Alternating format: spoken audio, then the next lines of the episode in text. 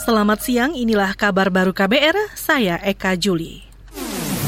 Kabar Pemilu Saudara Komisi Pemilihan Umum mengundang kalangan pemuda dan mahasiswa untuk aktif menjadi kelompok penyelenggara pemungutan suara atau KPPS. Menurut Ketua KPU Hashim Asyari, keterlibatan pemuda dan mahasiswa penting untuk mengantisipasi terulangnya kejadian saat pemilu 2019 lalu. Ketika itu ada 800-an petugas KPPS yang meninggal akibat kelelahan. Kami mengundang mahasiswa-mahasiswa Indonesia ini menjadi bagian dari penyelenggara pemilu, terutama anggota KPPS. Sekiranya diperkenankan Pak Rektor nanti ada tugas atau apa pun istilahnya di sini ya, apakah KKN atau kerja praktek, mahasiswa dipulang kampungkan tugas jadi anggota KPPS di kampung halamannya masing-masing. Ketua KPU Hashim Asyari juga menambahkan, mahasiswa yang berminat menjadi KPPS akan memperoleh sejumlah manfaat, di antaranya sertifikat penghargaan dan honorarium. Saudara pemilu akan digelar Rabu 14 Februari 2024.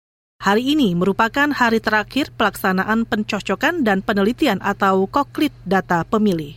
Kita ke informasi selanjutnya. Pimpinan DPR diminta mendesak pemerintah mencabut peraturan pemerintah pengganti undang-undang atau Perpu tentang Cipta Kerja.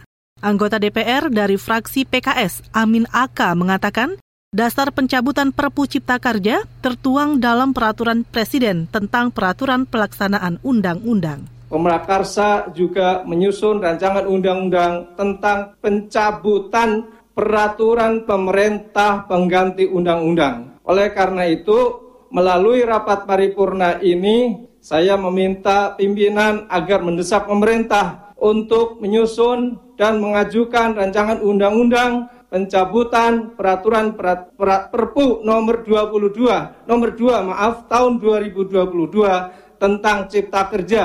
Anggota DPR dari fraksi PKS Amin Aka juga menambahkan pencabutan Perpu Cipta Kerja perlu dilakukan pemerintah karena tidak ada persetujuan DPR pada rapat paripurna 16 Februari lalu. Menanggapi pernyataan Amin Aka itu, pimpinan rapat paripurna yang juga Wakil Ketua DPR Lodewijk Paulus mengatakan Perpu Cipta Kerja akan dibahas dalam rapat pimpinan untuk kemudian dilanjutkan pembahasannya dalam rapat Badan Musyawarah DPR. Kita ke Jawa Tengah, puluhan warga di Rembang memblokir jalan memprotes aktivitas tambang. Informasi selengkapnya disampaikan reporter radio jaringan Musyafa dari Radio R2B Rembang.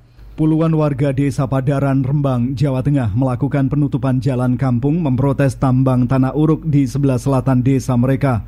Aksi sejak Senin sore dilakukan para pemuda, kemudian pemblokiran jalan berlanjut selasa pagi melibatkan kaum wanita.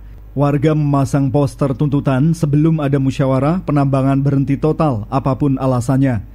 Kepala Desa Padaran Rembang, Munawari, ketika dikonfirmasi membenarkan masyarakat merasa terganggu, utamanya kondisi jalan menjadi becek seusai hujan dan berdebu ketika cuaca panas. Mengganggu aktivitas warga. Akhirnya kita hentikan kemarin. Setelah berhenti dari pihak penambang kemarin uh, rencana mau gali lagi. Cuman saya selaku kepala desa kemarin saya juga tidak langsung mengizinin enggak. Monggo nanti dengan syarat musdes dulu. Kepala Desa Padaran Rembang, Munawari. Munawari menambahkan sebelum penutupan jalan, masyarakat memang sempat mengadu ke balai desa, kemudian difasilitasi pertemuan. Kesepakatan awal hanya satu titik, tapi kalau tambang melebar, pihaknya mewajibkan musyawarah dengan masyarakat.